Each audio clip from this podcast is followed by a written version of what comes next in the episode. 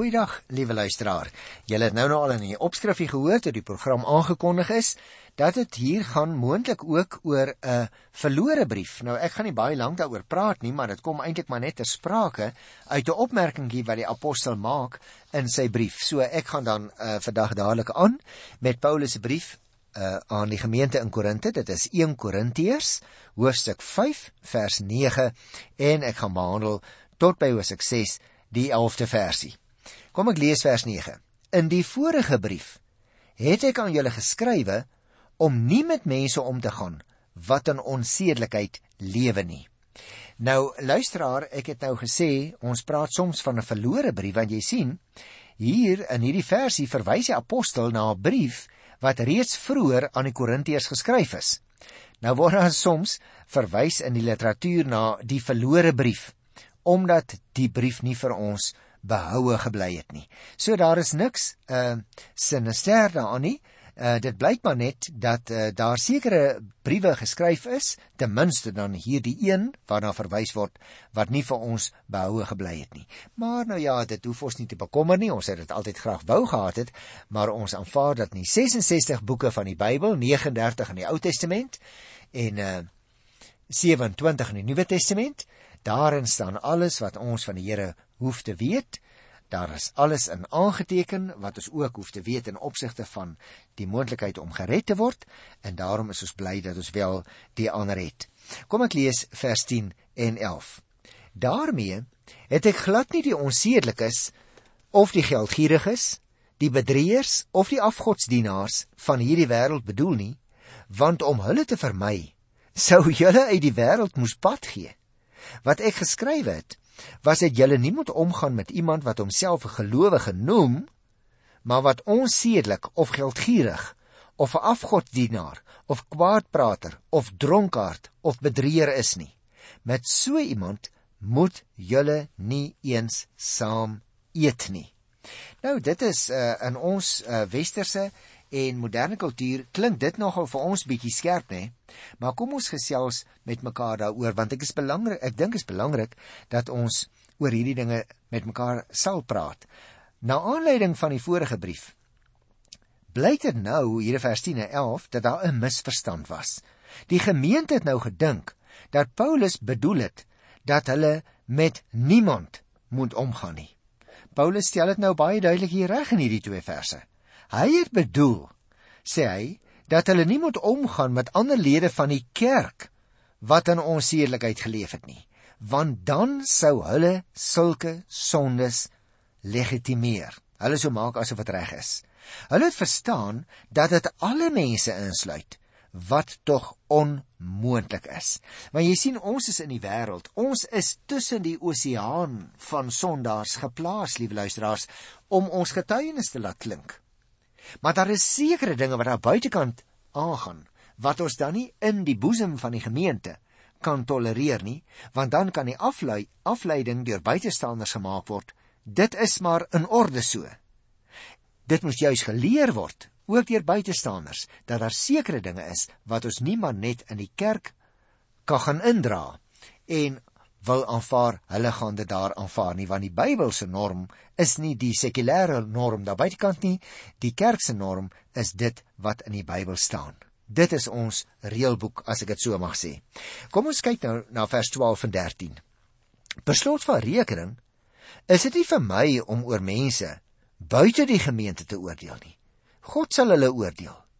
Maar julle moet oor julle eie mense oordeel. Verwyder die slegte mense onder julle uit. Nou, liewe luisteraar, ons lees herhaaldelik in die Bybel dat ons nie ander mense moet veroordeel nie. Ons mag nie veroordeel of skinder nie. Ons moet sonde egter veroordeel en daarteen optree. Ons mag nie Paulus se riglyne toepas wanneer ons minder belangrike probleempies probeer uitstryk nie, né? Ons eie wraaklus wil bevredig of persoonlike geskille tussen mense wil oplos nie. Hierdie verse hou verband met openlike sondes in die kerk. Met mense wat bely dat hulle Christene is, maar sonde doen sonder om berou te toon oor daardie sonde. En daarom sê hy nou, dit is die kerk se plig om so iemand in liefde te vermaan en reg te help. Diegene buite die gemeente wat sondig, sal deur God beoordeel en bestraf word. Nou wat ons soms mee besig is, is om na mense daar buite te kyk in hulle praktyke en dan maak ons baie skerp uitsprake, veroordeel ons selfs daardie mense. Die apostel sê nie wag 'n bietjie. Die Here sal oor hulle oordeel. Sorg julle dat julle self lewe ooreenkomstig die uitsprake van dit wat in die Here se woord staan. En daarom as ek miskien net baie kortliks hierdie verse wat ons behandel het, mag saamvat in 'n paar sinnetjies dan wou ek sê Paulus ruim vir ons hier 'n baie belangrike misverstand op wat as gevolg van 'n uitspraak in 'n vorige brief wat hy ook aan die gemeente in Korinte geskryf het, aan die gemeente daar uh ontstaan het, naamlik dat hulle nie met iemand wat onsedelik leef moet omgaan nie. Sy bedoeling was nie dat hulle omgang met buitekerklikes moet vermy nie. Want dan sou hulle sê hy uit die wêreld moes pad gee. Sy voorskrif het alleen omgang met sodaaniges in die gemeente geraak. Kortom, kom dit dus neer op tughandeling. En tughandeling, liewe luisteraar, wil ek tog baie duidelik sê, beteken nie jy smyt iemand net uit die gemeente uit nie tughandeling beteken dat jy eers jouself voor die Here verootmoedig, jy as individuele lidmaat ook. Jou eie hart voorberei. Bid dat die Here deur sy gees ook die ander persoon se hart sal voorberei en dat jy dan in nederigheid en in alle ootmoed met daardie persoon gesels. Dit is die begin van tughandeling.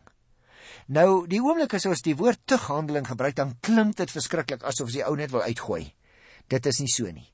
Daarom elke keer wanneer 'n mens byvoorbeeld 'n erediens sit en jy luister na die woord van die Here en jy voel aangespreek, dan het die woord van die Here jou betug oor iets wat nie in jou lewe reg is nie. En dan ervaar jy hoe dat die Heilige Gees dit op jou hart druk en vir jou onder die indruk kom, ek moet hierdie ding laat en dan word jy nie uitgegooi uit die gemeente nie. Daarom moet ons versigtig wees om wanneer ons in omgangstaal oor tug praat, uh te maak asof ons iemand sommer net se muur uit die kerk wil uitgooi want dit is nie waar nie. Dit moet absoluut die laaste stap wees as iemand absoluut in stryd met die Here se woord optree. Daar's met hom of haar gepraat hulle wil nie terugkom nie. Hulle verskeur die gemeente, hulle bevorder partyskappe, dan moet daar 'n punt kom om te sê, maar ongelukkig Ons sê nie julle gaan sommer net verlore nie, maar uh tot die eer van die Here, die opbou van hierdie gemeente, die heil van die lidmate hier, uh moet julle liewer miskien maar vertrek en dalk vir julle ander geestelike tuise soek, maar hier is julle besig om geweldige skade te doen en die naam van die Here oneer aan te doen. Nou maar goed. Nou kom ons by die 6ste hoofstuk. Dit is nog steeds uh, dieselfde hoofafdeling waarmee ek besig is en die opskrif is ook baie aktueel. Hofsaake tussen gelowiges. Kom ek lees die eerste 6 verse en dan praat ons daaroor. Gaan iemand van julle wat 'n saak teen 'n ander gelowige het, werklik so ver dat hy sy reg by heidense regters soek en nie by gelowiges nie? Of weet julle nie dat die gelowiges oor die wêreld sal oordeel nie? En as julle oor die wêreld sal oordeel eendag, is julle dan onbevoeg vir sulke geringe hofsaake? Weet julle nie dat ons oor die engele sal oordeel nie? Dan tog seker ook oor alle alle alledaagse dinge. As julle oor alledaagse dinge geskil het, laat julle dan die mense as regters optree op wie die gemeente neersien? Ek sê dit om julle skaam te maak. Is daar dan nie 'n enkele verstandige mens onder julle wat 'n saak tussen gelowiges kan besleg nie? Maar gaan een gelowige nou met die ander hof toe. En dit voor ongelowige regters. Dis asof die apostel as hy as hy dit hier skryf en ek kom reg verstaan, as dit ware sy sy hande in die lug gooi en sê wat gaan aan met julle as gelowiges om mekaar na ongelowige regters te neem en daar in 'n sekulêre hof met mekaar te begin beklei. Jy sal onthou dat hy in die vorige hoofstuk, ek het die laaste stukkie nou net daarvan gedoen, ehm um, sê hoe die gemeente moet optree teenoor gemeentelede wat doelbewus opsetlike sonde doen. Nou in hierdie 6ste hoofstuk van 1 Korintiërs sê die apostel nou hoe probleme tussen individue opgelos moet word. Daar was daardie tyd naamlik 'n regstelsel met howe waar geskille bygelê kon word. Maar Paulus wil vir hulle beklemtoon dat die Christene nie soos die Grieke vir elke onbenulligheid mekaar hof toe moes sleep nie. Die Christene het mos 'n eie interne regstelsel. Ek wil daai woordjie in aanhalingstekens sê, regstelsel, né? Wat in die eer van God belangstel en die hoofskap van Christus wil handhaaf. Daarom gaan dit nie in die kerk oor hofsaake soos daar buitekant nie.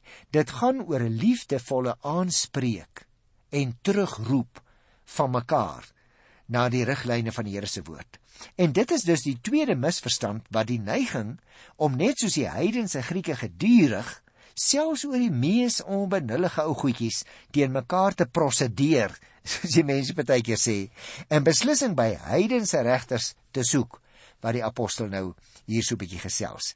Jy sien, die gemeente behoort die onsinnigheid van hulle optrede te besef as hulle 'n gedagte hou dat gelowiges nie net die wêreld nie, maar oor hoër dinge, selfs oor engele sal oordeel, skryf hy. Het u dit geweet? Dit staan hier in die Bybel, hier in 1 Korintiërs 6 in die eerste 6 verse, dat ons eendag oor die engele gaan oordeel.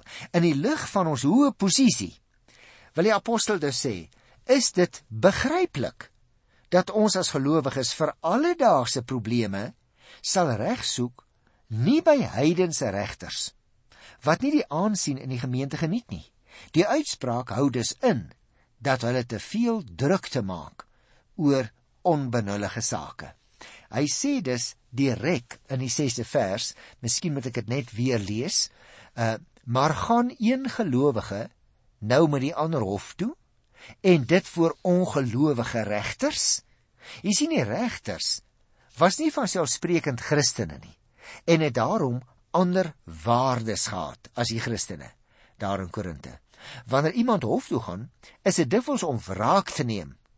Die apostel se argument is maar dit pas nie by 'n Christen om wraak te wil neem nie. Hofsaake gee buitendien aan die kerk slegte publisiteit en dit knou ook die vertrouensverhouding binne die gemeente. Luister na vers 7 en 8. Eintlik is julle saak al klaar verlore omdat julle hofsaake met mekaar het. Waarom lei julle nie liewer onreg nie?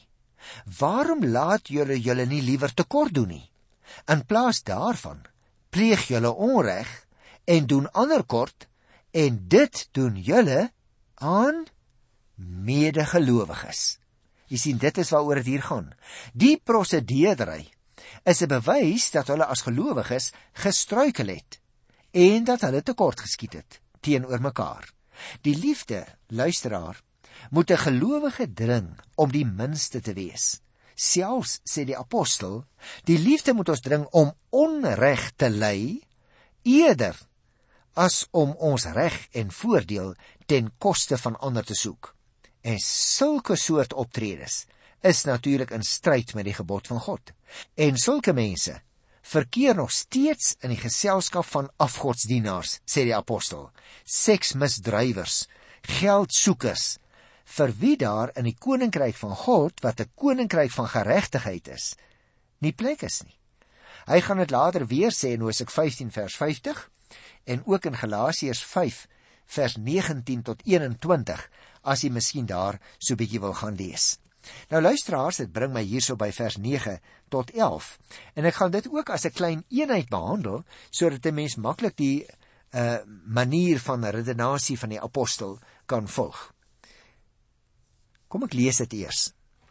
Of weet julle nie dat mense wat onreg doen geen deel sal kry aan die koninkryk van God nie? Moenie jouself mislei nie.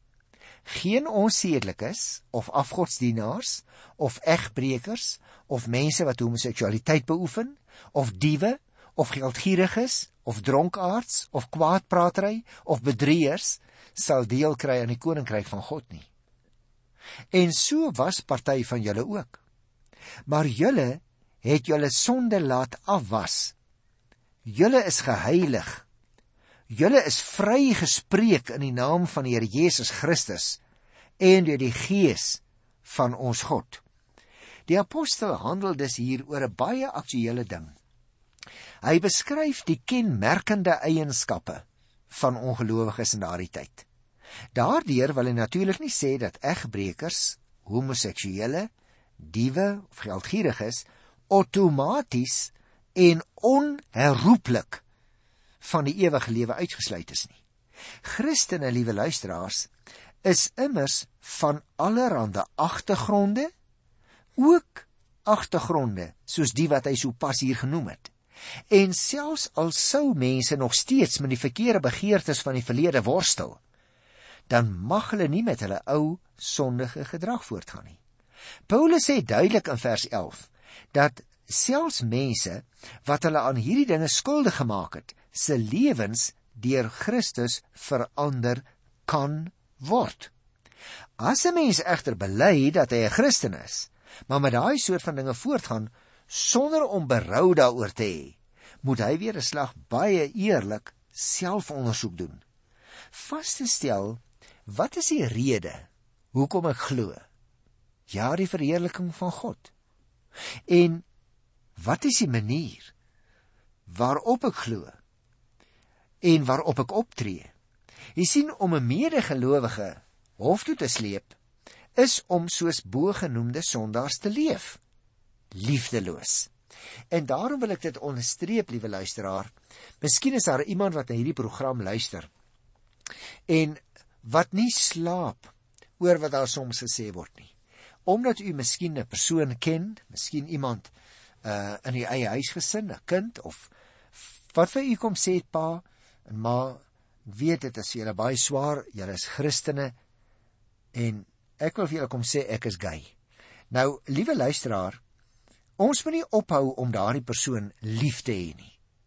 Ons moet nie daardie uh, persoon die deur wys nie. En dit is wat soms gebeur wanneer die kerk uitsprake maak, as dit ware uit die hoogte, dat mense wat in 'n bepaalde situasie is, al wat hulle onthou is sonde. Dat ons in 'n persoonlike gesprek met iemand baie verder kan vorder om te sê maar wie my ou seun of my dogter of my vriend of my vriendin? Ek is maar net so ou sondaar soos jy. My sonde lê wel op 'n ander terrein maar die Here het vir my ontvang.